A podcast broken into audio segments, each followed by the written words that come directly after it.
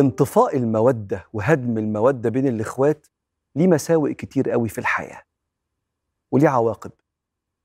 أول عاقبة سيئة كثرة الصدامية بين أبناء الأسرة الواحدة العيلة الواحدة الإخوات. مش ممكن يا جماعة إحنا قاعدين مع بعض في لمة العيلة اللي بنتقابل فيها مرة في الأسبوع. كم من النظرات الغير مريحة والردود اللي من تحت لتحت اللي فيها إزعاج وإيلام والطار اللي من الصغر برده بعد ما بقيت قوي واتجوزت وعندي عيال واستغنيت بأسرتي الجديدة عن إخواتي وعزوتي كثرة الصدامية. شوف ده اسمه عندنا في الشريعة اسمه فساد ذات البين. فإن فساد ذات البين هي الحالقة. سيدنا النبي يقول كده هي الحالقة. لا تحلق الشعر بل تحلق الدين. لأن حقيقة القرب من الله هو الإحسان للمقربين ثم الدوائر الأوسع.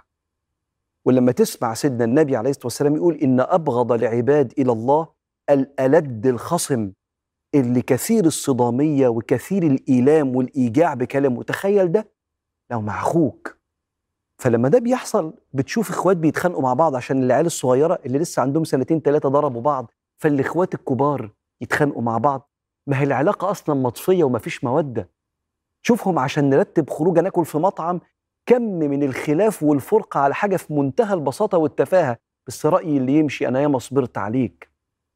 من ضمن المساوئ الأخرى والعواقب غير الصدامية الكتير التعرض أن تكون قاطع للرحم.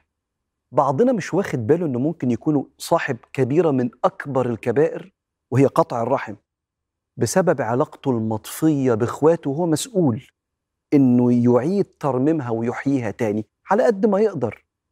ربك يقول أو سيدنا النبي عليه الصلاة والسلام يقول كده. يقول لما خلق الله الخلق قامت الرحم. وكأن ربنا جسد المعاني والأخلاق في صورة ملموسة قامت الرحم. وقالت يا رب هذا مقام العائذ يعني المستعين والمستجير المحتمي. هذا مقام العائذ بك من القطيعة. فقال رب العالمين أما ترضين أن أصل من وصلك وأن أقطع من قطعك.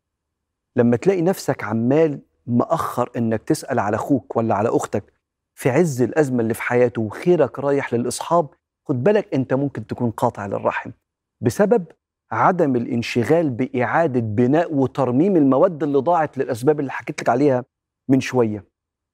لما تلاقي نفسك عندك شيء كده من تطليع الأسباب التافهة عشان ما تجيش العزومة العائلية إحنا بقالنا شهور ما تقابلناش مع بعض. عشان كده ربك يقول فهل عسيتم؟ إزاي تعملوا كده؟ فهل عسيتم؟ إن توليتم أن تفسدوا في الأرض وتقطعوا أرحامكم. كأني عايز أقول لك إن انطفاء المودة والحب بين الإخوات ممكن يكون حصل في حياتك لأسباب جزء منها مش بإيديك في طريقة تربيتك وجزء منها بإيديك. لكن أنت المسؤول. لو اتهدم جانب كبير من حياتك زي حبك ومودتك وصلتك باخواتك أنت المسؤول عن ترميم هذا الرميم.